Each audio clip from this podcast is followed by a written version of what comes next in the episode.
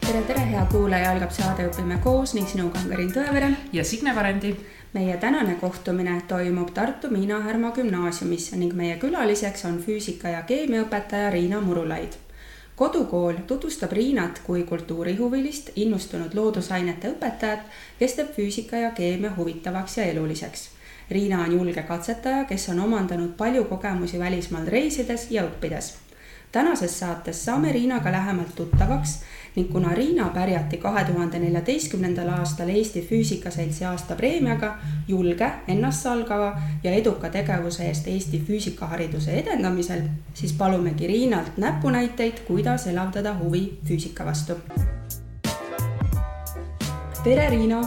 tere nii suur rõõm on siin olla sinuga koos, me oleme Riinaga vanad tuttavad, ma lihtsalt ütlen ära selle ka kohe siin. palun räägi mulle seda lugu, kuidas ja miks sai üliaktiivsest ja sportlikust tüdrukust just loodusainete õpetaja? Äh, no lugu on üsna selline veider, sellepärast et minust pidi saama geoloog, kes saab mööda maailma ringi rännata, e, e, küll siis tol ajal mööda Nõukogude Liitu ringi rännata ja, ja igal pool siis nagu suhteliselt vabalt ennast tunda ja kes ei peaks kunagi kooli füüs-, füüsikat või keemiat või mida iganes õpetama minema. Aga sel aastal, kui mina tahtsin minna, oli ülikooli geoloogiaosakonda üsna suur konkurss ja mind vastu ei võetud. Ja samade hinnetega sain sisse keemiateaduskonda, eh, mis mulle tol ajal üldse ei meeldinud, sellepärast et meie keemiaõpetaja oli koolidirektor ja noh, ütleme väga-väga sellised noh, tunnid olid ikkagi üsna kuivad. ja siis ma nii sattusingi keemiat õppima ja keemiaõpetajaks õppima ja minu üllatuseks hakkas mulle esimesel kursusel keemia väga-väga meeldima, hästi kohe meeldima. Eh, Erika Jüri Aadole suur tänu selle eest ja meil oli seal hästi huvitavad praktikumid, alates näiteks klaasi puhumisest, tegime ise noh, selli-, klaasist noh, selliseid katsevahendeid ja ja kuni siis igast analüütiliste ja orgaaniliste keemiateni välja, nii et hästi-hästi huvitav tolleaegne programm oli. ja siis, kui ma Pärnusse sattusin, siis selgus, et äh, hakkangi keemiaõpetajana tööle, aga Sütevaka koolis öeldi, et, et kui tahad keemiat anda, pead hakkama ka füüsikat õpetama. ja noh, loomulikult siis äh, see oli see koht, kus ma siis hakkasin ka, olin sunnitud esialgu füüsikat õpetama hakkama. ja, ja tegelikult füüsika jaoks ma tegin tohutult palju tööd, sest ma, mul ei olnud veel tol ajal nagu vaim valmis, et füüsikat õpetada ja ja kõik tunnid valmistasin ette, mul on siiamaani alles konspektid, kus ma detailselt kirjutasin võtsin kõik põhikooli füüsika asjad enda jaoks üle ja õppisin ja õppisin ja õppisin ja nii et aga, aga mulle tundus, et see oli nagu äh, väga hea kool niimoodi ära teha kaheksanda, ütleme põhikooli füüsika ja keemia ja kõik samaaegselt ka õpetada, sest see, selle nagu, nagu lõiming, mis on väga oluline, vot seda, see oli nagu selline elementaarne, et sa tõid näiteid füüsikast, keemiast tõid näiteid, no ütleme, füüsikas keemiast ja vastupidi. nii et äh, ma arvan, et, äh, et Sütevaka lapsed ainult võitsid sellest, et neil oli keemia ja füüsikaõpetaja üks ja sama isik ja, ja siis nii minust saigi. nii et äh, ja kui ma alguses väga kartsin õpetajana olla, tööle minna. et äh, noh, ma arvan, et need on rekordsuurused igilaigud kaelal peale esimesest äh, koolinädalat, siis, siis tegelikult minu nagu trumbiks oli see, et ma põhimõtteliselt valmistasin tunnid detailideni ette nii et lahendasin igaks juhuks ka järgmiste tundide ülesanded ära, lugesin kõik tolleaegsed horisondid läbi, äh, aja, see aja, mis see raamat oli, mosaiiksarja omad, kõik need lugesin läbi, et jumala eest, et ma ei jääks nagu plindrisse oma teadmistega õpilaste ees. Nii et, et see oli selline, kuidas nagu noh, tol ajal nagu ettevalmistamine käis, see on siis pea, no ütleme üheksakümnendate alguses, kui ei olnud veel internetti ja sellist asja olemas sa mainisid juba Sütevaka, Karin ütles, et oleme Miina Härmas, et äh, milline on sinu karjäär õpetaja olnud, kus sa oled töötanud ja kui kaua? Äh, ma esimese aasta töötasin Raeküla koolis äh, keemiaõpetajana ühe aasta, see mind võetigi asendama ja, ja siis ma töötasin neliteist aastat Sütevaka humanitaargümnaasiumis keemia-füüsikaõpetajana ja seal ma läksin Tartu Ülikooli õppima füüsikat päevasesse osakonda. ja kui ma selle ära lõpetasin, siis ma tegelikult tulingi Tartusse elama. nii et aga Sütevakas õppisin õpetajaks nii et selles mõttes ma sain seal äh, oma elukooli, oma õpetajaks olemise koolid, vitsad kätte ja, ja kõige suuremad töörõõmud ka loomulikult, nii et, et väga-väga vahva, väga vahva etapp elust ja siis ma töötasin vahepeal kahes väikses maakoolis, äh, kõigepealt Rannu koolis, mis oli noh, ütleme, on siin Tartu lähedalt ja siis Rõngu koolis. ja, ja ka see on hästi-hästi tore kogemus, sellepärast et näiteks kui me hiljem ainekavasid tegime, siis tegelikult on väga vajalik, et need, kes seal töötaksid, töötavad ainekavade kallal, et nad oleksid nagu kursis nii sellega, mis toimub väikses maakoolis, aga ka näiteks suures linnakoolis või er erakoolis. et tegelikult see töökogemus on see, mis ma arvan, on minu jaoks hästi laiapõhjaline ja ja, ja ma tean, et ainekavas, mis on näiteks huvitav linnalapsele, absoluutselt ei paku huvi maalapsele ja vastupidi, et noh, et mida me siis nagu jätame sisse või ei jäta. et tegelikult järelikult me peame mingid asjad panema sellisel üldkujul et maakooli õpetaja saab äh, võtta nagu oma lastele need mm -hmm. detailid sealt ja linnaõpetajad siis teistsuguseid natukene.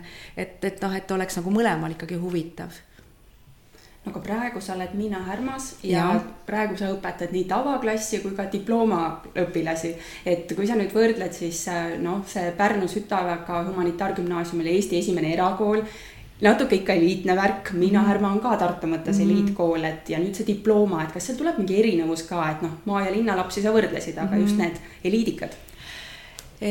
no tegelikult äh, et, et, et ütleme, Sütevaka ja Miinahärma on mõlemad sellised koolid, kus lapsed on, äh, kuigi nad ise võib-olla seda ei tunnista, aga nad tegelikult, neile meeldib õppida, ma näen seda mm. -hmm. et äh, ja, ja mis on siis ka sarnane, on see, et äh, mõlemas koolis on lapsed, kelle pered on väga toetavad noh, õppimist ja, ja, ja minu arust vot see on ka nagu hästi oluline see, mis puutub diplomat, siis see on muidugi jälle omamoodi, see on ju siis see rahvusvaheline programm, kus üle maailma toimub sama õppekava järgi. Ja, ja seal on siis eh, selline asi, et seal õpitakse rohkem sügavuti aineid ja vähem aineid. et meie Eesti koolisüsteemis õpitakse laiemalt, noh, ütleme kõik aineid ja natuke ikkagi pinnapealsemalt, et siis eh, see diploma ongi selles mõttes teistsugusem. Ja, ja mina olen sealt väga palju õppinud äh, õppinud ülesandeid äh, noh, ütleme selliseid hoopis teistsuguseid loovamaid ülesandeid ja loovamaid õpikäsitlusi ja sealt, kuidas üldse nagu võiks teistmoodi õpetada, olengi õpe, õppinud diplomast, nii et see on mind ennast väga palju tööalaselt arendanud. ma arvan, et me võime ukse kinni panna. Oleme siin koolimajas ja tublid koristajad juba on tööle asunud. Tegi õiges kohas pausi, on ju. just Mm -hmm. aga sa oled oma karjääris teinud nagu selles mõttes, et äh, päris palju selliseid pöördeid, et kuivõrd koolivahetus on sind inimesena võib-olla muutnud, et või oled sa teadlikult võtnud, et ahah, ma seal koolis võib-olla jätsin selle mulje või kuvandi, aga nüüd ma lähen siia kooli ja ma tahan kuidagi olla parem või olla nagu, ma ei tea, energilisem või, või noh. vastupidi, hoida tagasi. hoian ennast tagasi mm, -hmm. et ma seal nagu pingutasin ja tegin hästi palju, aga noh, see oli nagu hullult suur koormus mulle, et nüüd hoian tagasi natuke, et mhm. kuivõrd teadlikud need valikud on olnud? Äh, no ma arvan, et äh, see koolivahetus on olnud minu jaoks kõige esimesel korral oligi väga õudne sellepärast et ma teadsin, et ma olen hea õpetaja, et lapsed armastavad mind, äh, mina armastan õpilasi, kolleegidega saan hästi läbi ja siis ma lähen uude kooli ja nemad ju ei tea minust mitte midagi. Mhm. Nad ei tea seda, et ma olen tore inimene ja, ja nad, nad no, no selles mõttes tegelikult ma pean hakkama ikkagi uuesti tõestama ennast mm -hmm. nii õpilastele kui ka kolleegidele, et, et ma olen täitsa okei okay inimene, et minuga saab hästi läbi ja, ja, ja et mul on vahvad ideed ja, ja ma olen nagu sõbralik ja et tegelikult sa hakkad ikkagi nullist nullist pihta. Ja, ja siis, äh, et mõned koolid võtavad su kiiremini omaks, mõned aeglasemini.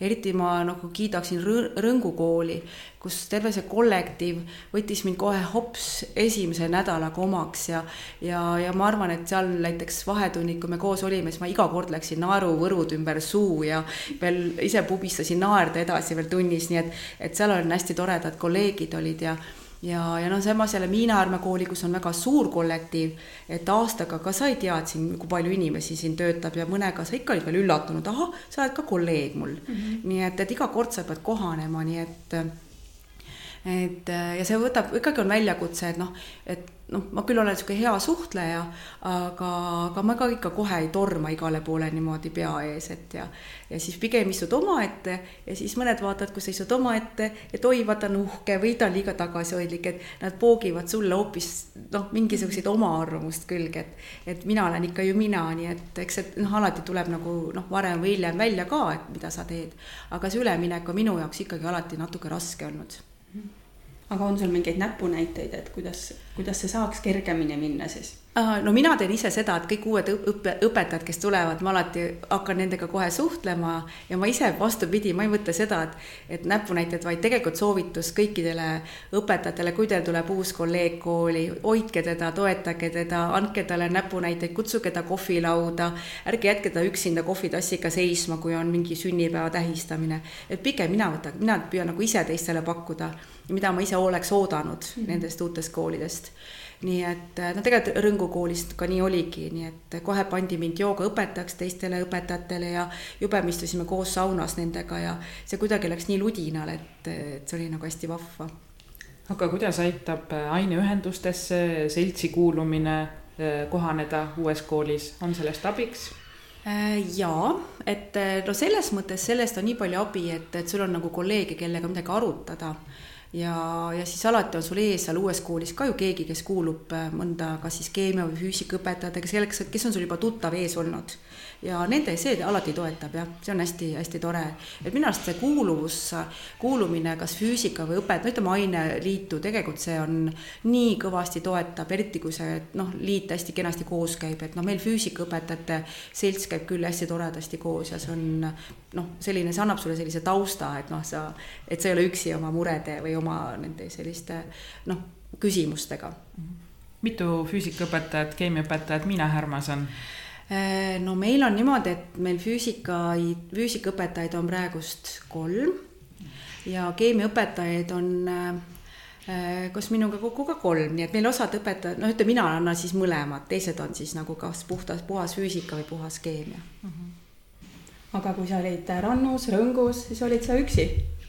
Jaa, äh, no ütleme, mina andsin gümnaasiumis, Rõngus andsin gümnaasiumis mm -hmm. füüsikat, aga põhikoolis andis üks teine õpetaja mm. -hmm. ja Rannus ma andsin kogu füüsikat ise mm. -hmm. et siis ma olin tõesti üksi ja siis, siis, siis sa teed, siis oled ise, ise oma füüsikaklassi kuningas ja, või kuninganna ja mm, -hmm. ja, ja selles mõttes, et noh, küsida ei ole kellegagi, no kellegi käest ja no eks äh, Sütevakas oli sama, et sa tegid ise oma asja ja ja noh, oli muidugi väga tore, sest kõik lapsed, kes minu all keemiat õppisid, ma kõiki tundsin, nii et ma tean Sütevaka kõiki viist, viisteist esimest lendu või no ütleme, alates mingist lennust mm. -hmm. nii et see oli nagu vahva iseenesest, aga küsida nagu ei olnud kellegagi, omad vead tegin ise, ise avastasin kaks aastat hiljem, et ups, ma vist seda õpetasin natuke valesti. Oh.. nii et, et noh, see, no see ei olnud küsida kellegi käest ja kui seal mõni asi oli sihuke segane, nii et nii et ja praegust ma ise püüan küll noori kolleege toetada ja aidata, kaasates neid kas siis ainekava töösse või noh, teeme praegust ühe noore kolleegiga koos äh, ülesande kogu füüsikaks, füüsika jaoks, et ka, et nagu kaasata uut inimest, kes ei ole varem seda teinud ja siis samas toetada ja õpetada, kuidas nagu vormistada ja sõnastada ülesandeid ja et noh, et see on nagu see, mida mina saan ju ikkagi teha ka mhm. aineseltsi kaudu või noh, niimoodi tunneme mm. -hmm. aga kui sa nüüd oledki üksinda oma koolis, et kas seesama aineselts on siis see, kust tuge otsida, seda kollektiivi et äh, kuidas mitte jääda üksinda? no ma arvan ikkagi äh, pigem kõik need teised, noh, meil on ikkagi tavaliselt on ju loodusainete nagu ainegrupid on koos, et ta mhm. ikkagi päris üksi sa ei ole -hmm.. noh, võib-olla sa ei ole noh, füüsikalast nõu küsida, et kuigi tegelikult oleks vaja küll niimoodi aga, aga siis selleks ongi need äh, füüsikaõpetajatele need kooskäimised, et ikka, ikka selguvad, tulevad ikkagi välja seal need probleemid ja mured küll mm. -hmm nii et pigem on nagu, äh, kui füüsika poolt vaadata, pigem nagu need mitmeaine õpetajad, kes füüsikat õpetavad, et nendega, need me tahaks rohkem nagu endale kaasata, et mm. et nad tuleksid meiega, et sest ma tean, et al, eriti alustada on nagu ikkagi suhteliselt raske. Mina mäletan küll, ma ikkagi mõnda asja, ma arvan, ma kindlasti rääkisin esialgu, kas nüüd just valesti, aga ma arvan, et ma võisin ka mõne asjaga puusse panna, sest ma lihtsalt nagu, mul ei olnud veel nii süsteemseid teadmisi esimestel aastatel no tundes Riinat, ma tean, et sa suhtled nende vilistlastega nagu väga aktiivselt, et ilmselt sa oled oma nii-öelda patud lunastanud ja oled need kordustunnid ja järeltunnid ära andnud neile. ja, ja pealegi lapsed niikuinii ei mäleta enamus asju, mis sa koolis räägid neile oo oh jaa, selle juurde me veel jõuame ka. aga et äh, kui me nüüd äh, täna tegelikult räägime siin füüsikast, et mm -hmm. no milline siis peaks üks ideaalne äge füüsikatund olema, et sära silmis õpetajal, õpilastel ja võib-olla mäletaks hiljem ka, et mida, mis seal füüsikas toimus. no eks seal on äh, hästi huvitav asi niimoodi, et, äh, et kui ma küsin iga aasta õpilaste käest, et mis neile tunnis meeldisid, siis mul on kolmandik kirjutab, et vot katsed olid ägedad aga neid loenguid võiks vähem olla ja ettekandeid üldse ei tohiks teha mm. -hmm. siis järgmine kolmandik kirjutab, et, et nende ettekannete tegemine oli hullult äge, et me saime nii palju asju teada mm -hmm. ja nii kihvt oli koos teha. ja siis järgmine kolmandik ütleb, et vot need loengud olid hästi huvitavad, sellepärast et me saime nii, nii palju asju teada ja need ägedad näited ja, ja et uskumatu, et see on nii lahe. ja siis no ma õpetajana peangi tegema kõiki asju sest sul on klassis koos inimesed, kes armastavad ülesandeid lahendada, kes armastavad katseid teha, kes armastavad nagu esineda ja, ja ei saa ju teha ainult nagu ühte asja.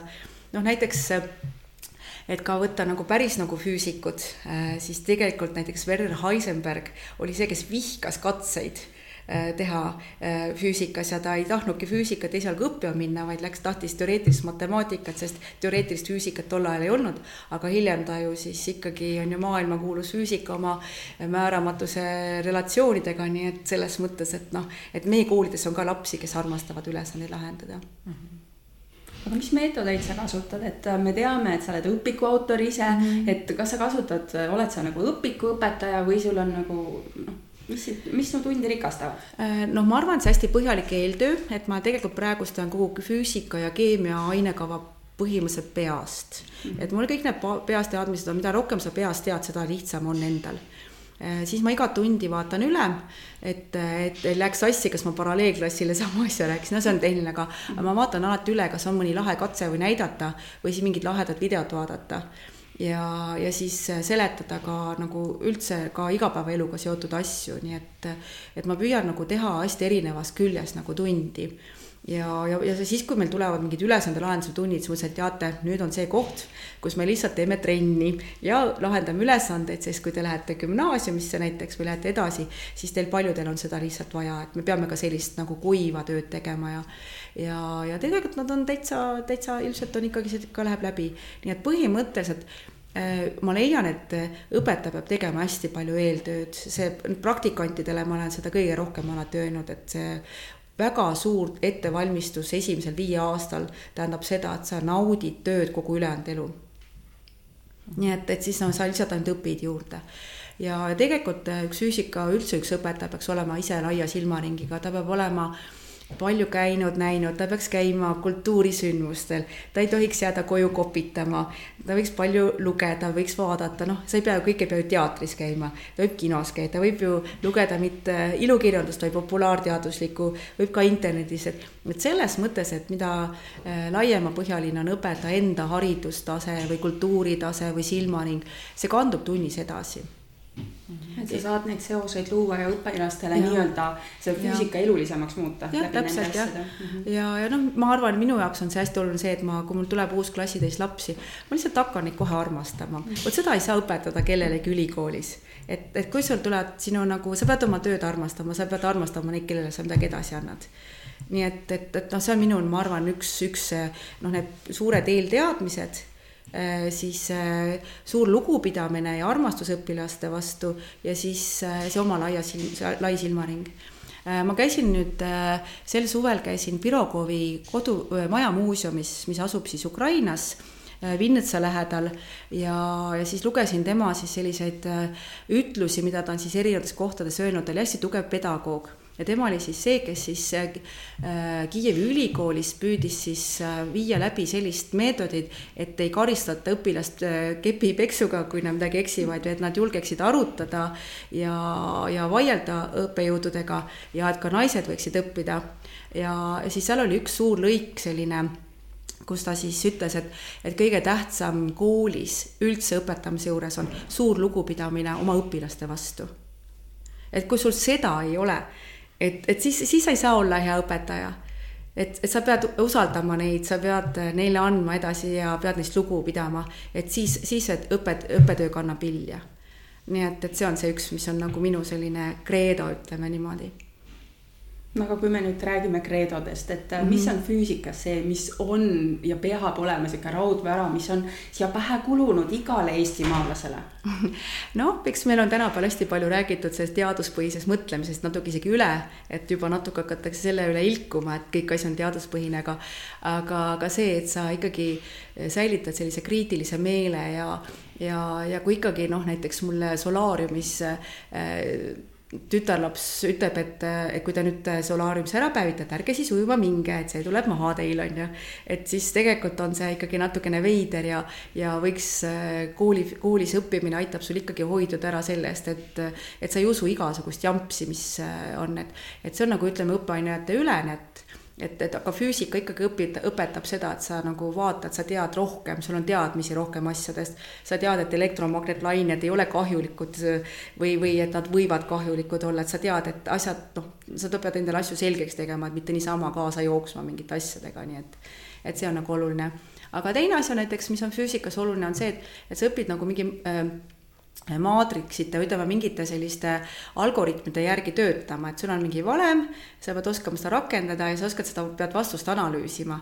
et, et see tegelikult on ka nagu hästi oluline, noh, kas mitmes noh, majanduses, ütleme sotsio-, sotsiaalteadustes, noh, ütleme tegelikult sa pead oskama arvudega ja tegeleda ja sa pead oskama aru saada, mida see arv sulle ütleb nii et noh, ütleme tähtsam kui mingisugune oomiseadus on see, et, et mida sa selle noh, oomiseaduse põhjal saadud tulemusega peale hakkad.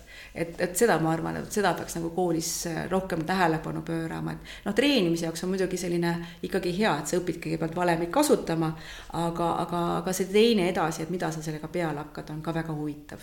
et ma nagu ise püüan nagu seda poolt kogu aeg ka nagu noh, õpilastele näidata no ma küsin siin selle küsimuse kohe ära, et kas valem peab peas olema või valemit võib vaadata ja siis nagu sellega nii-öelda, et sa oskad opereerida selle valemiga, kumb no, on tähtsam?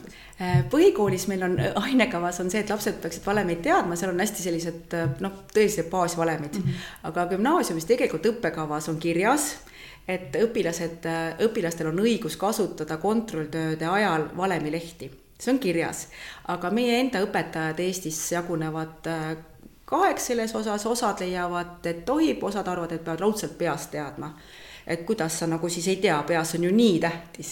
Eh, mina ise eh, kasutan valemilehti gümnaasiumis, nad võivad kõik kontrolltööd, nad ise koostavad valemilehe ja see diploomõppes on ka, sul on suur eh, data booklet, kus sul on kõik olulisemad nagu valemid sees, isegi teemade kaupa, mitte virvarr, süstematiseeritult ja hoopis olulisem on nende siis rakendamine ja ja, ja kui nad hästi palju juba füüsikat teevad, siis neil see valem jääb niikuinii pähe, nii et mina olen selline, sel-, seda pooldan päris kindlasti ja ta on ainekavas sees, nii et õpilased võiksid lugeda ainekava, siis nad saaksid teada, mis õigused neil on. -hmm. no sind on väga huvitav kuulata, ma juba nagu aiman ja taipan, aga mis sa ise arvad, et mis on sinu salarelv, et panna õpilasi füüsikat armastama?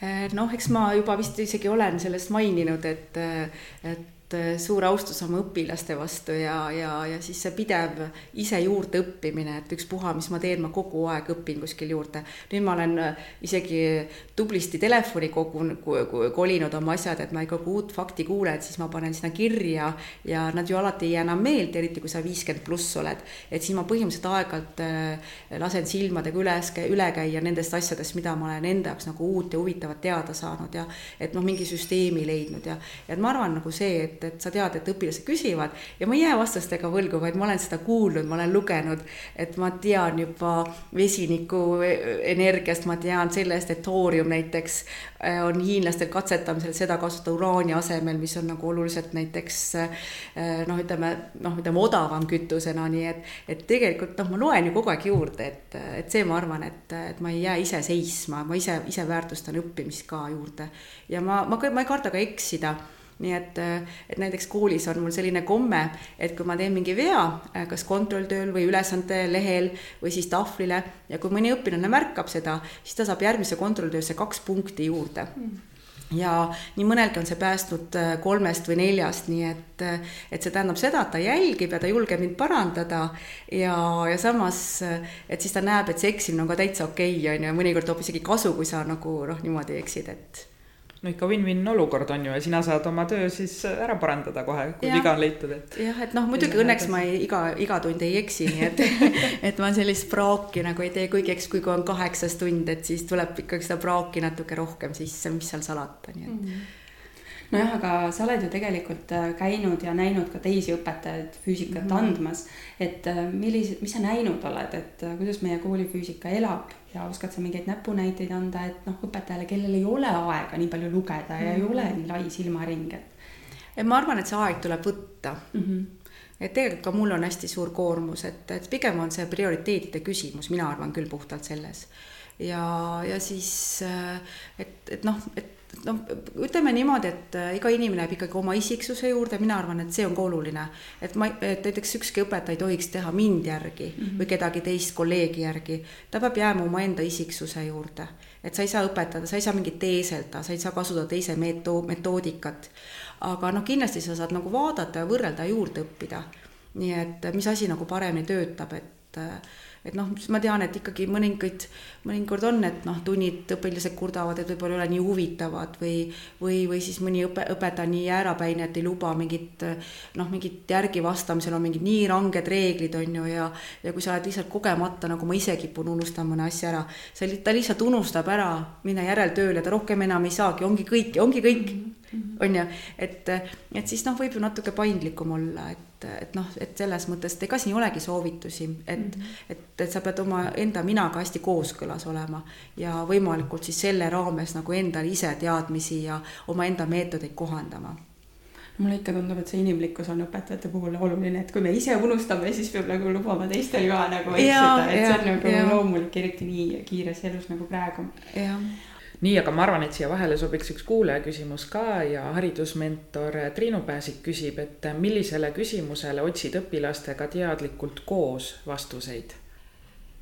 Äh, nad vot ei olegi no mulle niimoodi otseselt nagu võib-olla küsinudki, et pigem me nagu otsime koos äh, vastuseid mõningatele probleemidele, et kuidas mingit äh, füüsika seaduspärasust oma elus nagu mis milleks mul seda vaja on nagu, et pigem nagu äh, on olnud küsimus selles alati õpilasteks, miks meil seda vaja on.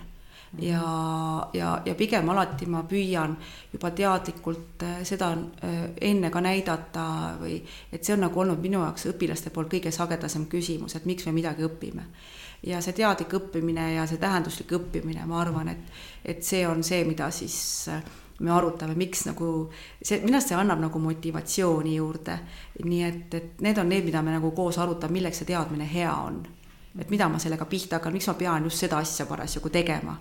nii et, et seda ja, ja siis õpilastega koos äh, noh, tegelikult on äh, need asjad, mis seal nagu õpilasi tegelikult rohkem huvitavad, mõnikord nad jäävad lihtsalt peale tunde midagi küsima, et nad ei julge alati teiste ees küsida aga vot siis, siis tuleb ka leida aeg, et õpilasega midagi arutada peale noh, tundi vahetunnil ja, ja kutsuda enda juurde näiteks ka hiljem rääkima, et et noh, hiljaaegu meil tekkis küsimus sellest, optika, kaheksanda klassi optika on hästi huvitav, et me räägime, kui kiiresti valgus levib ja kui kaugel tegelikult meist teised taevakehad on ja et et Põhjanael on tegelikult kolmiktäht, aga ta nii kaugel ja me näeme ta ühe tähena ja no niisuguseid hästi palju huvitavaid küsimusi.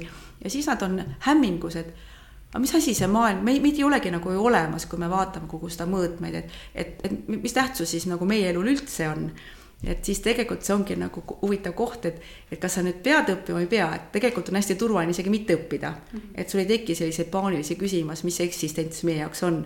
aga samas on see ikkagi ju silm nagu enda maailmatunnetuse jaoks annab sulle jälle mitu sammu edasi.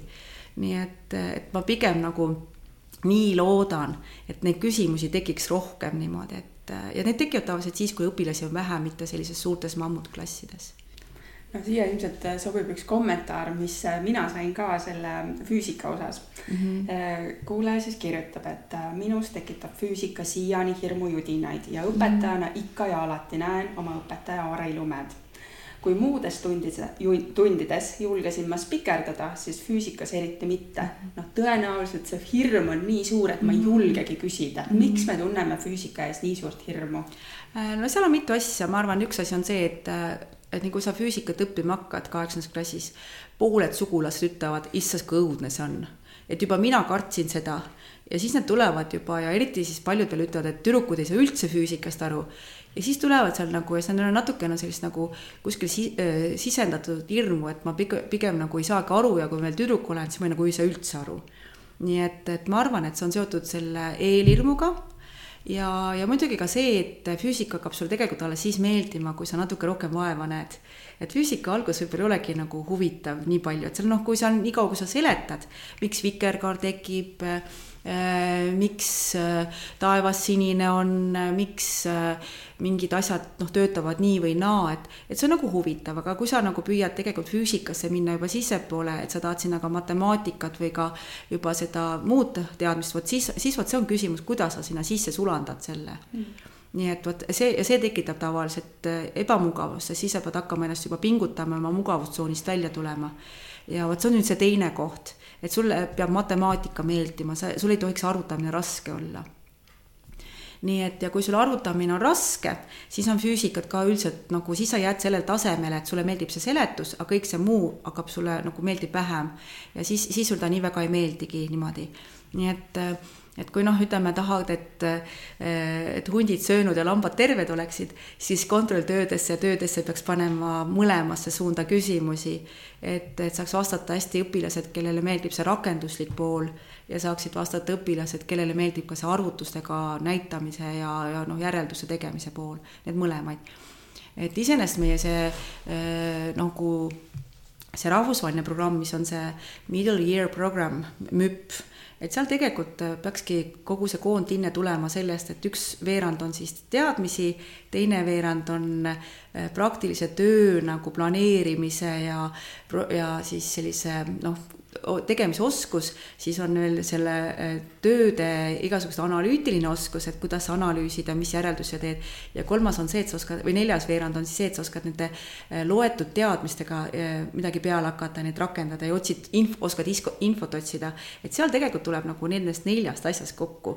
et tegelikult see ongi ju see, et ongi iga õpilase jaoks midagi, eks ole, nii et, et, et seda nagu ja, ja kuna meie kool ikkagi on traditsiooniliselt välja kasvanud nõukogude ajast, kus ju taheti kasvatada tuumafüüsikuid, äh, insenere, siis tegelikult natuke on ikkagi see kandunud ka nagu kooli edasi, aga aga mina arvan, et, et see matemaatiline pool füüsikas on väga tähtis, aga pigem see meetod, kuidas sa lähed sellest noh, jutustamise füüsikast üle sinna äh, kvantitatiivsele füüsikale, vot see on nüüd juba see, et, et kuidas sa seda teed, et see peab olema selline äh, noh, ütleme noh, oskuslikult läbi viidud kas sa tasandad mõnes mõttes ka natukene matemaatika siukseid puudujääke tunnis või tegelikult füüsikaõpetaja ei jõua seda enam teha? ikka natuke suudad, sa õpetad tegelikult rakendama matemaatikat mm. -hmm et nad on matemaatikas õppinud, üldiselt päris hästi õppinud, aga, aga sa peadki ütlema, et nüüd see matemaatiline teadmine on nüüd midagi sellist ka siin ja siis sa peadki harjutama, et nüüd kasutame, õpime kasutama matemaatikat nüüd füüsikatunnis mm. -hmm. et sa ei, ei tohi automaatselt eeldada, et äh, kui õpilane on õppinud äh, kümne astmetega arvutama matemaatikas, ta on kontrolltööd viied saanud, ta teeb kohe üli, ülihästi seda füüsikas. minu arust on see ka naiivne loota, et, et sa peadki ütlema, et nüüd vaatame hoopis füüsika seisukohalt neid samu asju ja ja, ja et ei tohi nagu kohe lajatada, et nüüd kuulge, te olete õppinud ju seda, mis mõttes te ei oska. et seda ei tohi nagu teha kindlasti mm. no minule jäi kõrvu praktiline töö, et võib-olla räägid natuke nendest, et mul kohe tuli meelde see, kuidas mu elukaaslase vanemad uhkusega siiamaani räägivad, et äh, nende poeg siis äh, tänu füüsikatunnile ja füüsikaõpetajale mm -hmm. tegi kodus äh, veksellülitid, et kui nad maja mhm. ehitasid ja noh, mhm. isa oli puutöömees ja, ja poisil oli siis nagu tõsine huvi, et mm -hmm. kuidas see asi ära lahendada ja läkski kooli, on ju, ja palus õpetajal ja koos siis nad nuputasid ja, ja saigi mm -hmm. hakkama, et et see on nagu nii äge selline mälestus, et kas, kas mingid sellised praktilised tööd siis või, või mis, mis need on, mis te füüsikas teete? ütleme, praktilised tööd on, ühed on sellised, millega sa midagi illustreerid või no ütleme, teed elavdaks, et noh, näitad, vaatad noh, näiteks on hästi tore, on sellised, et on nagu mikroskoobid, mis on kolmekümnekordse suurendusega, paned telefoni ekraani vastu, mis töötab ja siis sa näed piksleid ja siis sa näed, kuidas valge valgus kokku saab, roheline, punane ja sinine. ja siis, kui sa paned kollase valguse ekraanile, siis sa vaatad seal sees, see ei ole nagu otseselt praktiline töö nagu selles mõttes, et aga sa näed oma silmaga, et, et valgus on tegelikult siis mitme nagu teise valguse nagu koostöö sinu silma närvirakkudes, ütleme nii. Ja vot see on üks praktiline töö, et see, et sa näed nähtamatut siis on see, et sa õpid kasutama kalorimeetrit või multimeetrit, näiteks multimeetri kasutamine on väga praktiline tulevases elus, et, et kui sul on olemas korteris, tuleb laest välja kolm juhet ja nendest üks on nulljuhe ja kaks on näiteks faasid. Ja kui sa oled koolis seda nagu õppinud, siis sa julged kasutada seda multimeetrit oma kodus ka ja õigesti lambid ühendada. nii et see on, ütleme sellise praktilise suunitlusega ja siis on olemas need uurimuslikud tööd, mis natuke kasvatavad siis sind ka ülikooli edasi, et sa uurid graafikud, ütleme, planeerid mingeid katseid ja mõõdad ja uurid ja ja, ja siis sa teed sellest graafiku ja vaatad, mis see graafik sulle annab ja ja et ka sellised katsed, nii et need on nagu siis noh, ütleme, mis sa võid teha nii, et neil on omal valmis protokoll, aga sa võid lasta ka ise teha. nii et näiteks sellesama diplomaõppes on niimoodi, et, et ma ei tohi anda neile valmis töid ette, et noh, et umbes täida lahtreid ainult või lünkteksti, vaid nad peavad ise uurima, nii et et uuri, kuidas kehad libisevad, kõik. ja siis sa pead ise katse planeerima või uuri lund. toon klassi hunniku lund ja siis ta peab hakkama mõtlema välja midagi. et vot need, need selliseid katseid saab ka Eesti kooli nagu süsteemi kanda, et sa ei anna nagu kõike valmis, et aga sa pead enne natuke treenima laboritöö oskusi, et nad julgeksid kasutada ja ei, ei tunneks, et aa, on ju, mis ma nüüd teen, on ju, et, et sa, et nad julgeksid seda teha ja, ja kui näiteks mõnele õpilasele ei meeldi katseid teha, siis sa pead toetama, näiteks üks humanitaarne poiss kümnendas klassis ütles, et mina ei tee katseid, et ma, mind ei huvita füüsika. siis ma küsin, kas sind midagi on nagu huvitanud, et, et noh, sa käid need villaste sokkidega siin ringi, et noh, et sind midagi huvitab, no vot, ma tahaks teada, kui kaugele ma libisen, siis ma ütlen, et uuri, võta hoogu, võta üks meeter, kaks meetrit, kolm meetrit, et vaata, kuidas sul see libisemisteekond sõltub sellest, kui palju sa hoogu võtad ja, ja ta põhimõtteliselt tegi noh, praktilise töö viie peale, sellepärast et ta mõõtis oma töörühmaga ja see ei ole otseselt ju nüüd nagu päris füüsika, ütleme nii, aga ta õpib meetodit tundma, et sa saad aru, kuidas sa pead planeerima, kuidas sa pead sooritama, kuidas sa pead korduskatseid tegema, kuidas sa pead oma neid graafikuid pärast analüüsima, õpid Excelis graafikuid tegema, mis on ju väga vajalik oskus. nii et, et noh, ütleme, et igatpidi saab neid sättida nii et, et, et päris ühest vastust siin ei ole, aga, aga põhimõtteliselt kõiki neid tuleb teha, neid katseid, siis neid, kus sa lihtsalt uurid midagi, siis sa, kui sa midagi mõõdad korralikult ja siis see, kui sa juba teed pikema uurimuse, et need kõik peaks tegelikult koolis olema. ja siis sa õpid seda ka hiljem tulevikus kasutama, julged kasutada asju aga kui palju tänapäeval lapsed tulevadki ise probleemülesandega, et õpetaja, mul on selline asi kodus, kuidas ma nüüd lahendan või lähenen sellele, sellele. kui palju sa ise ikkagi pead nii-öelda tooma kunstlikult siis klassiruumi, et kuulge, meil on selline probleem. no tegelikult väga ei tule ikkagi, sest kodudes on ikkagi need süsteemid nii töökindlad tänapäeval. no tegelikult vaatame ümber, on ju, meil ju pesu, see pesumasin peseb, tolmuimeja jookseb ise majas ringi, teil on tavaliselt isegi hellitusnimed igas peres olemas, et ta ei ole lihtsalt masin, vaid ta on juba mingi Frida või, või, või Maša, eks ole. meil on Polli. no eks ole, et tegelikult ta on juba nagu koduloov või mingi selline, eks ole, nii et selles mõttes on, et see nii palju muutunud niimoodi. -hmm. aga näiteks seal Rannu koolis oli äh, nende lihtmehhanismide tund, kus on äh, plokid ja igasugused need ülekandesüsteemid ja, ja, ja seal näiteks ütles sellised õpilased, et teeks midagi ägedamat ja siis äh, ma ütlesin, et davai, iga rühm teeb nüüd oma mingi ülestõstmise süsteemi, et sa pead jõudma ja siis tegelikult vot need seal oli, vot seda sa ilmselt pidasid silmas, eks ole. ja tegelikult kõik said väga huvitava tunni osaliseks mm. -hmm ja, ja siis üks õpilane ütles seda, et miks me räägime vee keemisest, et vaatame igaüks ise ja siis ma tõin piiritluse ja, ja katseklaasid ja siis hakkasime vaatama, kuidas vesi keema hakkab, tegelikult see oli väga huvitav vaadata niimoodi läbi klaasi, kuidas, mis etapid seal on ja et noh, selles mõttes on ikkagi kasu, kui õpilased nagu julgevad sulle öelda, et õpetaja teeks nii nii et alles üks paar päeva tagasi üks õpilane ütles, et aga miks me laseritega peegleid ei vaata, ma ütlesin, et aga muidugi tõesti, miks.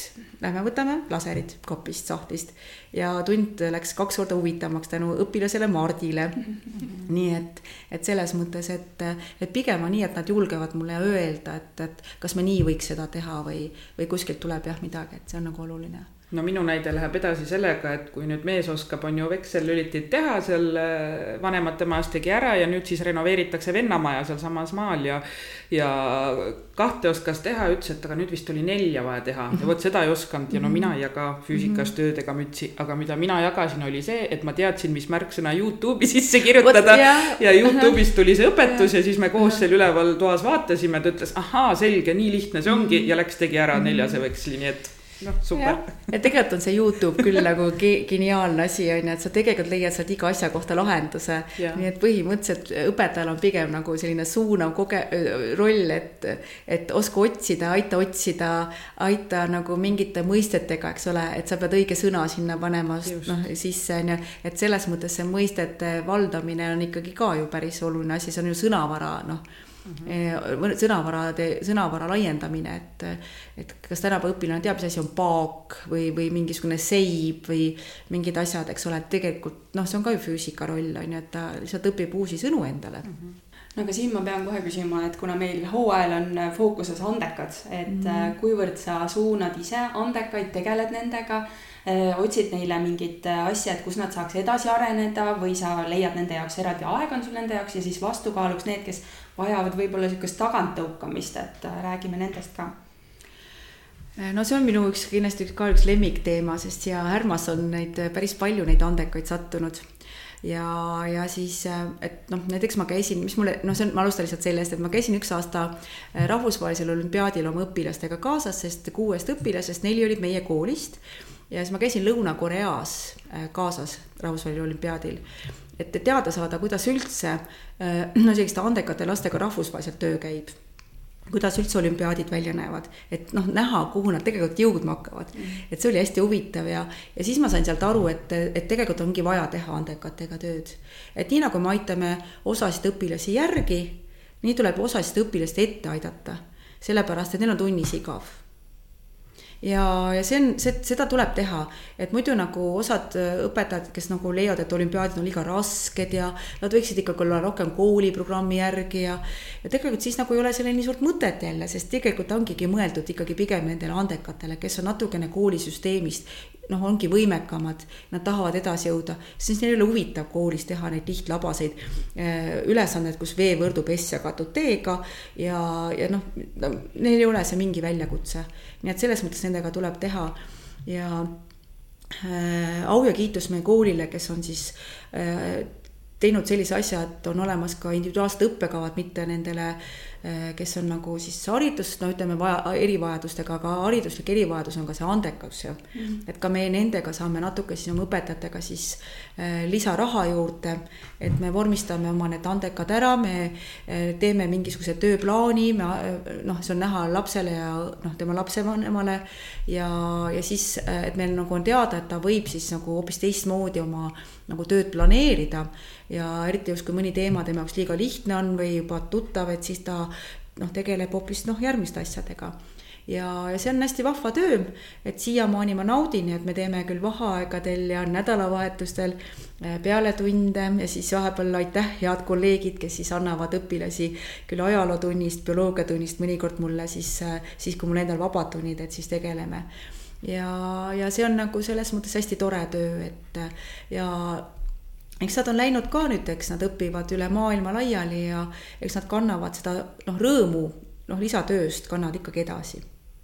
No praegu televisioonis, eks ju, see Rakett kuuskümmend üheksa ja need linnalaagrid ja, ja need on nagu sellised asjad, mis võib-olla võiks aidata neid lapsi, kui õpetaja ei ole selline hull katsete tegija mm. ja ei ole selline särav energiapomm mm. seal klassi ees ja võib-olla see füüsika ongi raske, et mis on veel need asjad, et kust õpilased saavad nii-öelda füüsikas nagu lisaabi, et okei okay,, vaatan neid rakettsaateid, teen Youtube'i, noh, kui ma olen sihuke mm. õpihimuline, et kas on veel mm. mingi füüsikutel mingisugused ma ei tea, füüsikakatsete kogu või, või...? Äh, tegelikult on need äh, õpitoad, äh, mis on need õpikojad mm, -hmm. kus on siis nii keemias, füüsikas, bioloogias ja nad käivad siis maakonna, no ütleme, linnades, maakonnakeskustes käivad siis kohal.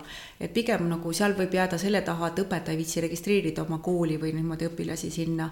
aga see on siis selline koht, kus kohas noh, ütleme näiteks, kui on nagu Lääne-Virumaal Rakveres, siis sinna sõidetakse siis sinna kohale, kõik katsevahendid, kõik on kaasas ja siis kogu siis selle piirkonna need füüsikahuvilised lapsed saavad siis kokku ja siis tegeletakse nendega siis korra vist kuus umbes sellise sagedusega, kuus tundi on siis sessioon või ja kui mõnikord läheb huvitavaks, isegi läheb mõnikord pikemaks ja et see on võimalus. et siis on olemas ka muidugi need äh, teaduskooli kursused, mis on nagu järjest natuke paindlikumaks läinud nii et äh, noh, seal muidugi on vaja natuke abi ka, et see nagu see toetamise süsteem, sest paljud õpetajad tegelikult võib-olla ise ei saa nii hästi hakkama selle nende ülesannetega, mis seal on. et, et siis seal on vaja muidugi mõnikord noh, väli, noh, väl-, noh mujalt tuge saada. et siis see võiks, see on näiteks üks, mis andekatele sobib. ja, ja tegelikult mõnes mõttes, kui ma vaatan laiemat plaani, siis kui koolis on näiteks noh, ütleme keemia, bioloogia, füüsikaõpetaja ja nendest kolmest üks on näiteks vilets ja kaksteist on tugevamat, noh, tugevad, siis, siis tegelikult nad ikkagi õpivad loodusainete mingisuguse meetodi ja õppimisrõõmu ära ja kui tal hiljem läheb seda kolmandat loodusainet ka vaja, siis ta tegelikult, kui ta on juba kahega nagu väga hästi toime tulnud, et siis ta saab nagu hakkama. nii et ma nagu üle ka nagu ei muretse selle pärast alati, et kui noh, et peaasi, et ei tohi olla nii, et sul kõik see kolm loodusainet on mingid jamad koolis või kõik sul on nagu halvasti korraldatud ja keegi katseid, kuigi ma ei usu seda, et no ikka alati on olemas nendest nagu nojah, minu füüsikakogemus pärineb minu enda kooliajast, et ka hirmuga läksin tundi ja mm -hmm. olin viieline füüsikas, sest ma tõesti õppisin mm, -hmm. aga paraku jah, vist väga palju ei mäleta. ega ei peagi mäletama, aga ma arvan, sa oskad seda, et sa oskad jälle õppida asju, mis sul on vaja hädapärast ruttu ära õppida. ma arvan, see on andnud sulle sellise äraõppimise oskuse et on vaja, õpime ära, teeme selgeks endale, et pigem nagu on see, mida sa kindlasti õppisid ja ma arvan, et see oli sulle kasuks, sa küll seda nagu ei, sel hetkel ei taju, õpilased ei taju, et see on neil oskus et mõnikord on elus, sa lähed tööle, et sa lähed omale lemmiktööle, aga, aga sulle antakse veel see lisaülesanne, mis sind väga ei huvita. aga kui sa oled harjunud koolis aeg-ajalt ületama seda noh, emotsiooni, et pagan, see ei huvita mind ja sa õpid ikkagi ära, siis tegelikult sa õpid nagu niuhti ka selle tööülesande ära ja võib-olla see hakkab sulle meeldima, sest sa oled endale asja selgeks teinud. nii et mine sa tea mm no sul on nii pikk kogemus, et äh, kuhu need andekad, äh, füüsikas just näiteks andekad siis välja jõuavad, mis töökohtadel nad töötavad ja kui paljud neist näiteks ka tagasi kooli füüsikaõpetajaks tulevad? no kui ma siin ära olin vahepeal Kiievis paar aastat, siis oli mul õpilane Paul andis siin päris mitut tundi ja töötas andekatega. Äh, siis Hendrik Viia käib meil praegust matemaatikat andmas koolis, siis on mul on ikkagi tulnud neid juba, kes on nagu kooli ka jõudnud, kuigi mitte palju, sest õpetaja palk on ikka väga vilets, see, et motiveerida noort inimest kooli minema, nii et, et me ilmselt palgast täna vist ei räägi väga, aga, aga ma ikkagi ütlen, et see ikkagi tuleb kindlasti kõrgemaks saada, sest muidu me kaotame need ägedad noored inimesed ära kooli jaoks ja, ja tegelikult on minu füüsikud, noh, ütleme pigem on see, et need reaalaine huvilised on jõudnud väga palju igale poole erinevatesse kohtadesse õppima. on olemas äh, tulevasi raketiteadlasi, on olemas lennukiehitajaid, on olemas osakeste füüsikuid noh, muidugi ka suur hunnik arste, nii et kellega, keda ma praegust juba hea meelega aeg-ajalt nagu noh, nii-öelda ära kasutan ja nii et tegelikult, et selline tubli töö, selline noh, reaalne õpetajana tegelikult sa annad lihtsalt sellise valikuvõimaluse juurde. ma ei leia, et kõik peaksid füüsikat õppima minema, vaid et ma tean seda, et neil on vähemalt võimalik valida seda, et kas minna seda või seda, nad teavad, et nad võimalusel nad saavad füüsikaga väga hästi hakkama, et kui palju sina muretsed äh, füüsikaõpetajate järelkasvu pärast? no ma ikka muretsen küll, sellepärast et ma muretsen pigem seda, et kui äh, ikkagi ei tulda kooli füüsikat äh, nagu õpetama, et, äh, et see, kui see nagu see et kui meil ei olegi nagu mingil hetkel nagu võtta või, või siis, äh, või siis need ütleme hästi töökad vanema põlvkonna õpetajad äh, kes siis äh, on nagu väga-väga-väga palju tööd teinud on ja siis, et kus me võtame neid uusi, neid reaal- ja süvaklasside õpetajaid, kes on näiteks reaalkoolis või no eks nad ise kasvatavad, ma tean, et reaalkooli Toomas on endale Reevo kasvatanud järelkasvuks niimoodi, et, et noh, ikkagi sa pead nagu otsima ja kangutama ja noh, niimoodi ja aga, aga ma ei tea, kas äh, iga, iga meesterahvas läheb tööle või ka naisterahvas, kui sa ikkagi on sul seal noh, et sa ei tule alguses kohe, ei ole nii lihtne ja kui keegi ei toeta ka sind alguses ja kui sul satuvad nagu ikka siuksed räiged marakratid, kes võivad ka nagu väga halvasti sulle öelda, nagu noh, mul ka rannus on juhtunud ja ja et siis tegelikult see ikkagi ei ole nagu mugav, et. Nii et ma ikka muretsen, aga ma ikka muretsen sellepärast, et palk võiks õpetajal ikka suurem olla mm. -hmm. aga mis on see maasikas, mis sind hoiab siin koolis? ma arvan, et noh, et ma lihtsalt nagu õpilased. tee nüüd see pitch'i kõne nendele kuulajatele, kes mõtlevad, et peaks kooli õpetajaks tulema äh, no vot, ega, ega seda ei olegi nii lihtne teha, sellepärast et, et, et ma arvan, et, et töö on tohutult loominguline Äh, no mina, mina ikkagi fännan ka seda, et mul on kaks kuud suvel vaba. Et ausalt, noh, see küll noh, kõlab nagu veidralt, aga noh, see on see patareide laadimise koht, kus sa pead nagu saama selle uue energia endale järgmiseks kooliaastaks ja ja, ja et see on nagu selline, mis tõesti on nagu tõeline magnet.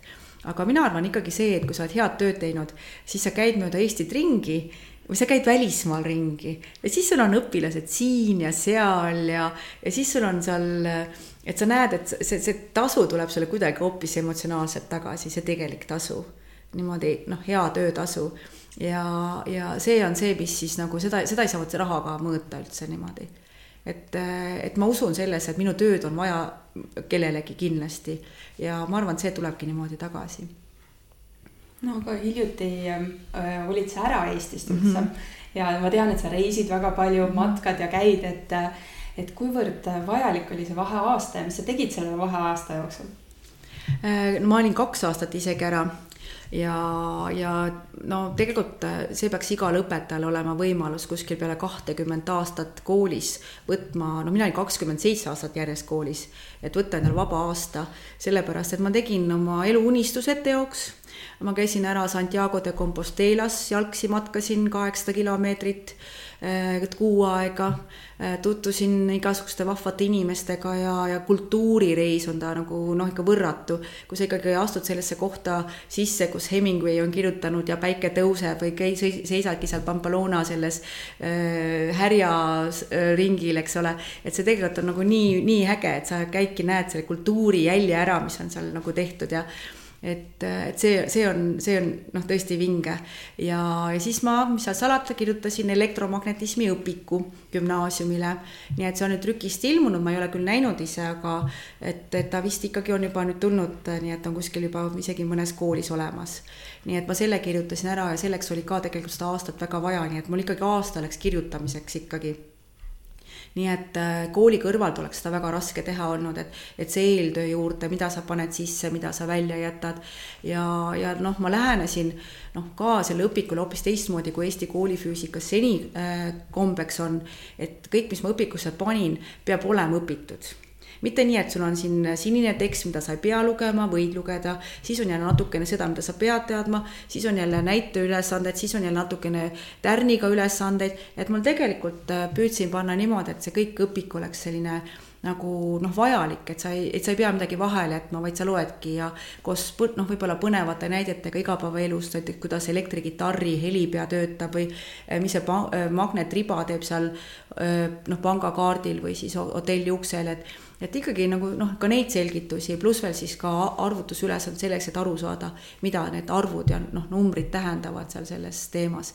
ja siis ma koostasin samas ka õpetajatele täieliku lahendustega abivahendi, nii et kui õpetajad selle õpiku ostavad endale, siis nad mingil hetkel noh, ma ei tea, kas ta on juba üles laetud, aga saavad siis endale iseenda jaoks ka kõikide äh, ülesannete lahendused ja, ja sellise toe, et sa saad minna rahulikult käed taskus klassi ja seletada ja et õpetajal endal oleks nagu hea tunne, et ma ikkagi seda kõike oskan, mida ma klassis õpilastele näitan või räägin või mida nad loevad sealt nii et, et, et oli nagu teistmoodi ja natukene ma võtsin seal šnitti äh, diplomaõpikutest, kus ei ole ka ühtegi asja sellist noh, mis on nagu nii-öelda lisalugemine, et sa ei pea lugema, vaid kõik asi, mis seal on, on tegelikult õppekavas sees ja ja sa pead seda oskama, sest see on vajalik selleks, et füüsikast aru saada ja noh, selle väljamõtlemiseks läks tegelikult kaks kuud aega, kus ma istusin ja munesin. nii et noh, mõni võis vaadata, et ma logelen, aga tegelikult ma istusin ja mõtlesin ja mõtlesin ja mõtlesin ja mõtlesin. nii et, et see on nagu selline nagu hästi kihvt töö oli ja eks ma rändasin ka ringi ja käisin Odessas äh, ujumas meres ja muuseumites ja Lvivis, mis on suurepärane linn, Ukraina üks ilusamaid linne, ma arvan.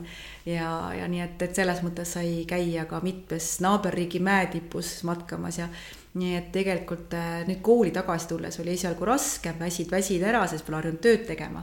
aga, aga ma olen nagu ma arvan jälle rikkam väga paljude asjade poolest no aga ma usun, et see õpiku kirjutamine ei olnud selline igavusprojekt, et see oli ikkagi vajaduspõhine asi sul. Ja, ja kaua planeeritud, et äh, kuidas ühe õpiku kirjutamine üldse välja näeb, no sa juba rääkisid siin natuke, et mhm. munesid kaks kuud ja siis hakkas tulema, et et kui mõni õpetaja veel tunneb, et nii, et mul on äh, ma tunnen ka vajadust, et äh, vot selles mm. aines puudub mingisugune mm. õppematerjal, et noh, panna mingid sellised juhtnöörid või ma ei tea.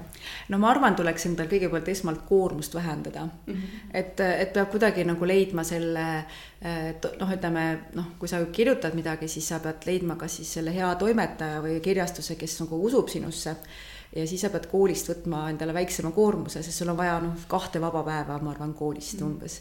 ja siinkohal saan kohe täiendada, et tegelikult me oleme teinud saate, et nüüd on õpetajatel võimalus võtta see vaheaastase stipendium ka, et kus mm-hmm. makstakse ka palka mm. -hmm. nii, mine edasi ja, ja siis on võimalik äh, põhimõtteliselt äh, hakata otsima oma see nagu see, noh, sa pead tegelikult välja töötama selle raamistiku, et millisena sina näed seda noh, tööd, mis peaks olema, et mis, mis need on need tingimused, milline peaks üks õpik olema olema.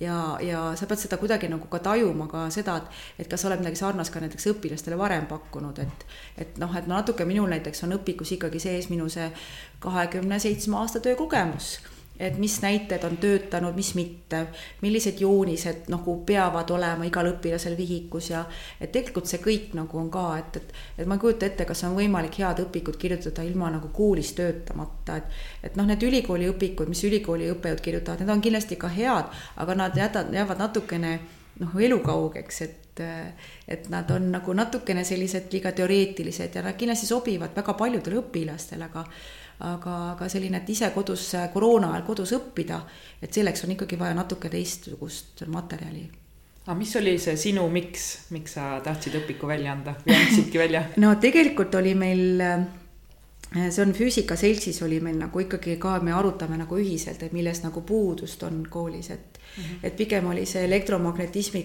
teema oli natukene nagu pisut, käsitlus on võib-olla liiga keeruline selle tundide arvu juures, mis meil koolis praegu selle jaoks on ja tegelikult oli see puhtalt vajadus, et, et kui õpetaja, kes nagu läheb kooli, noh, tuleb ülikoolist, läheb kooli, võtab selle õpiku, mis vanem õpik oli, siis ta tegelikult vajaks selle jaoks mingit nagu ma ei tea, tervet aastat, et ära õpetada. Mm.. aga sa pead selle ühe kursusega tegema, mis on noh, tegelikult noh, rangelt võttes kas siis pool aastat või nii, et sa ei saa kõike õpiku järgi ära õpetada. ja kus see siis see uus õpp, noor õpetaja võtab selle, mis on oluline, mis ei ole oluline, et noh, et ta ei teagi seda, nii et ta, ta on omadega plindris ja, ja vot äh, põhimõtteliselt ongi siis vaja nagu sellist just äh, noh, materjali, et sa tead, et nüüd see on nüüd äh, noh, selline õpik, mis on siis võimalik ka õpilasel enda jaoks lugeda, aga ka siis algajal õpetajal väga hea tööd teha. ja, ja noh, küll noh, et, et no ma ise nagu uskusin, et meil ju seda ongi vaja nagu sellist õpikut no aga räägime natuke palgast ikka, et kas see tee tasub ette võtta, et on sealt ka sellist arvestatavat tulu oodata sinule kui õpetajale? Äh, no ütleme, kui sa teed hea õppevahendi, siis, äh, et siis ta tegelikult noh, ütleme, kui ta on tööviik, siis on alati kindlasti õpilale, õpetajale kasulikum. sellepärast, et siis on iga aasta ostetakse, kui sa teed hea tööviiku. Mhm. -huh. õpiku puhul on meil nagu, kui noh, kui ütleme, see on nagu ühekordne pigem. et kui on nagu hea õpik, siis kindlasti tulevad ka uustrükid ja niimoodi aga ta tegelikult ikkagi on pigem see, et autoritasu on nagu mingi, mis on sinu siis tegelikult noh, ma ei, seda infot nagu ei tohikski välja öelda, eks ole mm. -hmm. et pigem on see nagu siis selle leping siis selle kirjastusega. ja aga kui ta nüüd, ta tõesti teeb hea õppevahendi, siis ta ikkagi annab sulle väikse sellise noh, ütleme kolmanda-neljanda pensionisamba nii et ma arvan, meie head õpikute ja tööviikute autorid ilmselt nagu teavad seda, millest ma räägin, et mhm. -huh. meie ühine tööviik, mis ma seitsmenda klassi loodusõpetuseks tegime, et tegelikult ta toob mulle sisse aastas ühe niisuguse toreda Euroopa reisi jagu raha. Mhm. -huh et noh, et noh, selles mõttes ta võib-olla välismaal on ta kindlasti nagu ma arvan, Euroopas on kindlasti väikese tasu, aga aga praegust ma mõtlen mõnuga, et, et noh et noh, see on nii tore nagu väike selline lisa, lisa nagu sissetulek ja, ja noh, et see on nagu täitsa vahva niimoodi, et nii et ta tegelikult tasub ära mm. -hmm nii et, et aga, aga see eeltöö ongi see, et sa nagu pead teadma, et sellist asja on väga vaja, sellist õppematerjali. et äh, niisama kirjutada, et äh, noh, ma ei tea mm. -hmm. et pead ikka minema mingit sellist tühimikku täitma ja. jah, jah või siis ka ütleme, tegelikult ajad ju muutuvad, nii et uh -huh. noh, näiteks sellesama, seal rahvusvahelises õppes iga seitsme aasta tagant vaadatakse õppekirjandus üle. kui näiteks mõni teema on ajast ja arust, siis see võetakse välja, pannakse sisse, näiteks et kui avastati X-i boson, ütleme tema noh, olemasolu noh, CERN-is leidis kinnitust, siis põhimõtteliselt ta oli järgmisel aastal juba selles diploma füüsikaõpikus sees et nad põhimõtteliselt nagu uuendavad seda, et Eesti õpi-, Eestis no nii palju raha ei ole selle jaoks, aga põhimõtteliselt ikkagi aeg-ajalt on vajagi uuendada, sellepärast et ju tehnika ju muutub ja, ja, ja kõik see, need äh, asjad ju muutuvad, et noh, meil on nüüd olemas ju mingid äh, positron emission tomograafiad, et, et noh, tegelikult äh, võiks ju teada, mis see positron on ja mis see antiaine on, et, et ta ei peaks ju olema ainult ju noh, ma ei tea, mingi selle süvaõppeklassi noh, programmis, et tegelikult võiks kuidagi ka tavalaps teada seda, mis on antiaine ja antiosake ja miks see nagu hea on ja et noh, et seal on rakendused, seal on väga väärtuslikud rakendused, nii et, et selles mõttes õpik peab ka ikkagi natukene kaasas käima, mitte natuke, vaid peabki kaasas käima ajaga et äh, ma küsin selle aine, aine kohta, et mm -hmm. sa juba rääkisid ka, et see, kui sa õpikut kirjutasid, siis õpikusse sa panid selle, mis nagu peab omandama.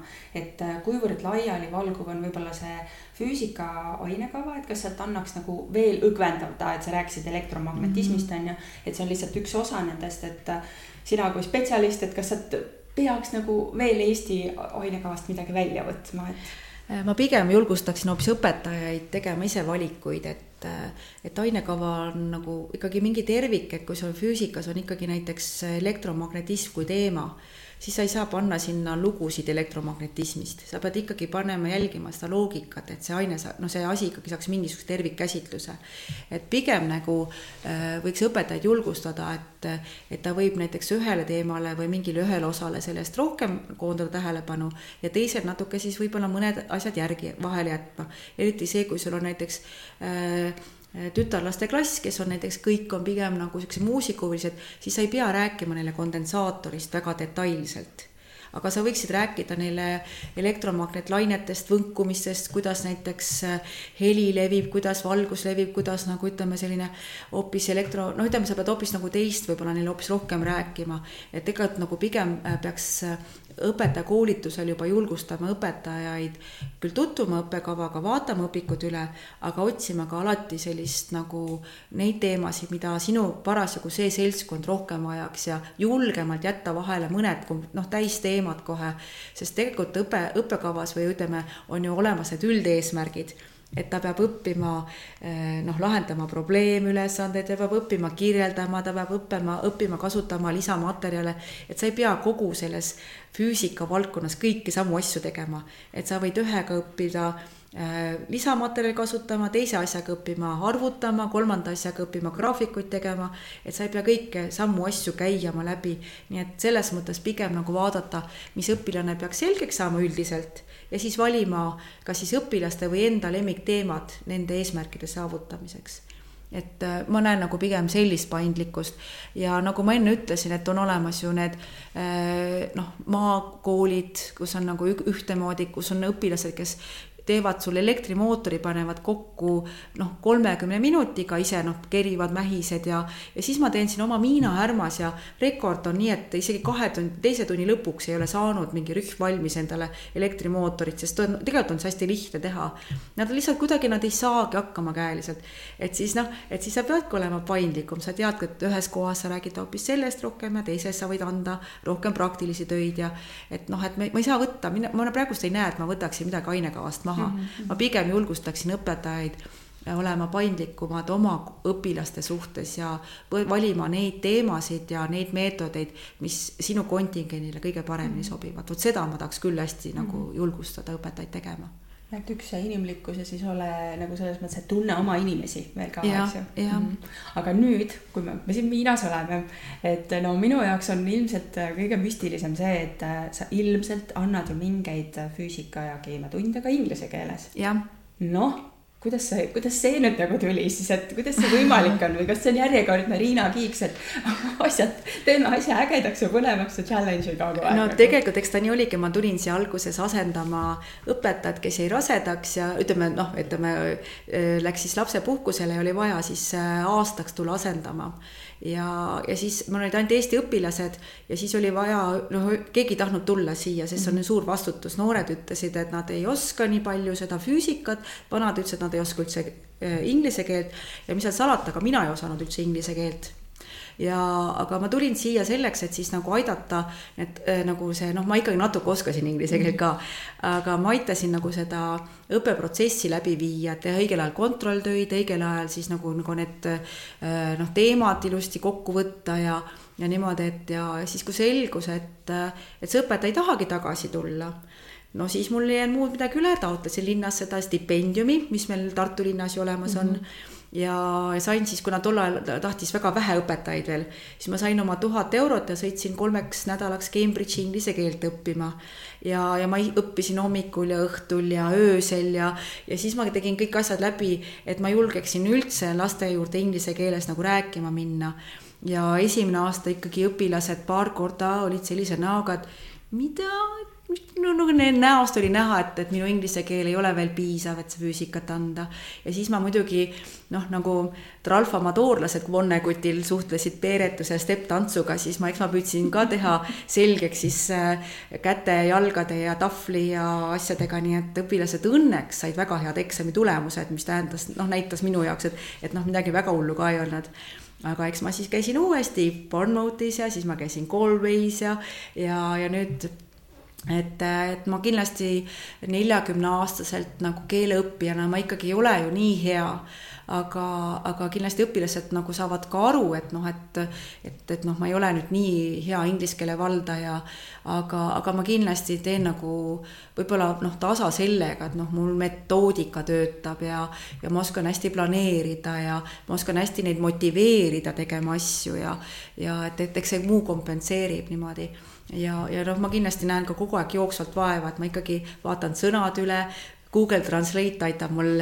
hääldusi parandada, et ka õpilased on aidanud, kui ma midagi korduvalt midagi valesti ütlen, et siis nad noh, ikkagi aitasid mul, et noh, öelda, et õpetajad, see tegelikult hääldatakse niimoodi. nii et, et sa pead oma selle piinlikkustunde, selle eksimise noh, et sa, et sa julged eksida, et see on nii inimlik ja eks ma seda olen nagu teinud ja eks ma alguses ikkagi noh, need päevad või kus mul oli, päevad, kus mul oli ingliskeelsed tunnid, ma ikkagi eelmisel ööl ei maganud ma ei maganud mm, -hmm. süda tagus ja, ja kogu aeg kordasin endale mingit vertical intercept ja, ja mingit uncertainty ja, ja siis, et õigesti nagu hääldada ja, ja see kogu aeg kumises see niimoodi ja, ja, ja siis, et noh, tegelikult see oligi alguses väga-väga-väga keeruline.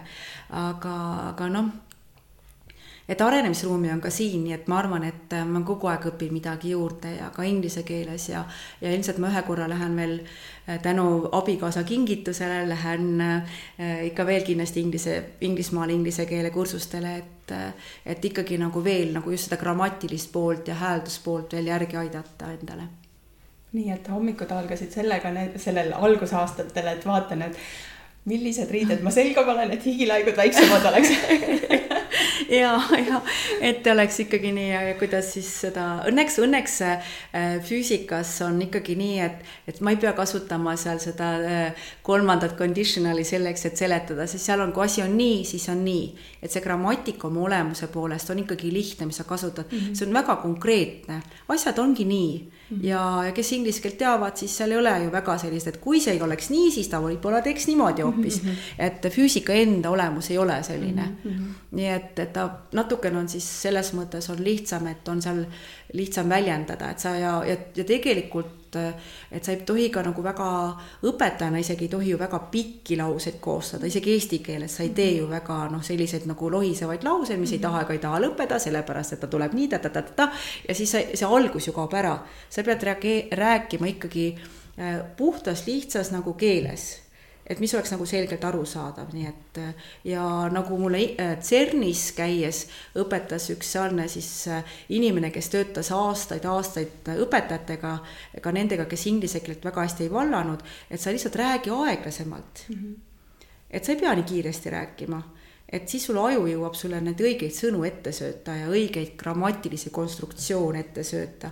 et võta, võta tempo maha ja, ja vot see mul vahepeal siis äh, Mikk Storr, kes siis oli see mees, et tema siis kuju kuskil mul nurgas ütleb, et rahu, aeglasemalt mm -hmm. ja siis jälle läheb nagu tagasi, et tegelikult ka koolis pead sa ju ei tohi vuristada, et sa pead nagu ka lause lõpud selgelt välja ütlema ja et noh, kõik see, mis me teame, et õpetajatena, mis see mm -hmm. noh, on et su mõte jõuaks igaühe ajukukesse. Mhm. aga siin meie jutus on hästi palju läbi käinud, no mitte nüüd hästi palju, aga noh, sinuga koos oldud aja jooksul, mis me oleme koos aega veetnud, ikka see sõna CERN käib läbi, et no mis asi see CERN siis on, mis seal toimub, miks sa seal käid? Äh, no tegelikult on väga tore see, et, äh, et meil Tõnis Lukas, kui oli haridusminister, see oli siis juba üle kümne aasta tagasi, siis ta tegelikult leppis kokku Äh, Martti Raidaliga äh, KBFIS, mis on siis Tallinnas üks äh, noh, ütleme teoreetilise füüsika ja bioloogilise keemilise füüsika instituudi üks teaduritest ja nüüd on ta noh, veel edasi on kõik kokkulepe, et kõik Eesti tublid õpetajad peaksid saama siis riigi kulul käia ära CERN-is ja, ja siis aitäh, Tõnis Lukas. See, saime siis kogu aeg Haridusministeeriumilt kandis üle siis Füüsikaseltsile need rahad ja põhimõtteliselt on praegust ära käinud CERN-is äh, sada kakskümmend füüsikaõpetajat, mis moodustab meie noh, ütleme gümnaasiumiõpetajate hulgast juba ikkagi nagu noh, peaaegu noh, pooled või ütleme tubli kolmandiku, nii et ka paljud põhikooliõpetajad on käinud ennast täiendamas, arendamas, äh, teiste õpetajatega koos nagu suhtlemas ja, ja mina olin just sel ajal füüsikaõpetajate aineliidu juht ja kui meie sealsed õpp-, need teadlased mingil hetkel enam ei olnud CERN-is, siis oli vaja uut inimest, kes siis hakkab õpetajatega seal käima ja siis nad lihtsalt ütlesid, Riina, sina. Ma ütlesin, et okei okay,, väga lahe. Ja, ja nii ma olengi siis viinud nüüd äh, seitse õpetajate rühma olen viinud siis CERN-i ja olen siis neile natuke ka mentoriks, et äh, natukese osakeste füüsika osas noh, nagu võib-olla aidata, kui nad millestki aru ei saa ja ja siis enne teen natukene kokkusaamisi ja ja siis, kuna ma olen ise saanud ise sealt nagu selle rühma kokku panna, siis ma olen pannud natuke noh, niimoodi kokku rühma, et mul oleks seal eliitkooli õpetajad, siis oleks sealt äh, väiksest sealt kuskilt äh, Valga mingist maakonnast, ütleme seal kuskilt, siis oleks Saaremaalt, Hiiumaalt mehi, naisi, noori, vanu. et need rühmad on tegelikult olnud meil niimoodi, et et on meil tekkinud selline tänu sellele füüsikaõpetajate kogukond, kus, kui saadakse kokku, tullakse meil voorele kokku või, või mingile üritusele, siis seal sada õpetaja, sajast õpetajast seitsekümmend on omavahel suured sõbrad. või ütleme, nad on teinud koos, nad teavad, et oh, ma käisin CERN-is, ma käisin ka. Et oh, mäletad, mis, kus, kas teie seal käisite? et see tegelikult on teinud meil sellise füüsikaõpetajate kogukonna, kes julgevad üksteisega rääkida ja, ja meil ei ole nii, et meil on eliitkooli õpetajad kuskil oma eraldi ja, vaid meil on tegelikult ongi üks tubli selline kollektiiv, et, et ma arvan, et ja see on nii tore, et meil see haridusministeerium jätkuvalt on seda raha meile andnud niimoodi ja et on võimaldanud meil seda siis teha, sest paraku on füüsika kallis, et me ei saa minna nagu muuseumitesse, et selleks, et õpetaja ennast koolitaks ja näeks seda kaasaegset füüsikat ja tal endal silmad säraksid, on vaja näha selliseid tippkeskusi.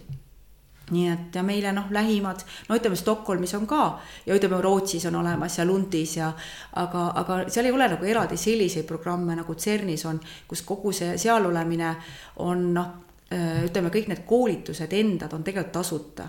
noh, maksame ainult siis ööbimise ja söögi eest ja siis noh, väiksed päevarahad, sest see noh, Genf, ütleme, Šveits on ikka väga kallis, nii et et tegelikult on ta tehtud õpilasele, õpetajale nagu hästi selliseks lahedaks reisiks. et sa tuled tagasi, sa särad, sa oled saanud äh, äh, noh, põnevaid koolitusi, sa oled saanud kolleegidega suhelda ja ja, ja noh, ma arvan, et see on meie kogukonda väga-väga lahedalt sõbralikuks teinud ja ma nüüd olen kaks aastat, kahel korral viinud ka oma Miinarma õpilasi sinna. olen julgustanud ka teisi õpetajaid käima, on Sütevaka koolist on käinud, siis ma tean, et nüüd tahtis minna ka Viimsi kooli õpetaja, et ka õpilastega annab minna, et natuke tähendab see korraldamist. Aga on võimalik ja õpilased küll ütleme neid kõiki samu asju ei näe, mida õpetajad näevad, aga ikkagi äh, käia seal CERN-i restoranis kus on siis sul kõrvallauas võib olla Nobeli laureaat rahulikult või siis, või tulevane laureaat, et sa istud nendega kõik läbisegi niimoodi suhted.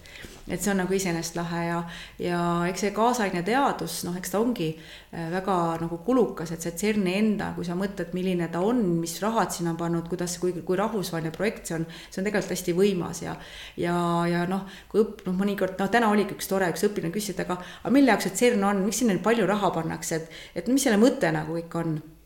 Siis mõtlesingi, et tegelikult teadus noh, ongi alati ees sellest, mis nagu tegelikult noh, vaja on, et me peamegi uskuma sellesse, et teadus midagi mõtleb välja või teeb midagi, saab teada midagi. aga, aga tegelikult CERN-ist on ju tulnud meile puutetundlik ekraan. CERN-ist on tulnud meile www World Wide Web senist on tulnud meil seesama positron emissioon demograafia. nüüd juba on meil hadronravi hakkab tulema, mis on juba mitmes riigis olemas, kus on võimalik vähi, vähkkasvajat ravida, no ütleme põhimõtteliselt millimeetri täpsusega, et sa ei kahjusta ümbritsevaid kudesid, sa ei pea tegema piinarikast äh, no ütleme radioaktiivset, ütleme ravi, et keemiaravi või mingit sellist, et tegelikult, et ta toob kogu aeg midagi et me lihtsalt nagu ei tea seda, et see on nagu seotud sellise suure noh, noh võimsa projektiga, no et see on nagu ütleme kaasnäod.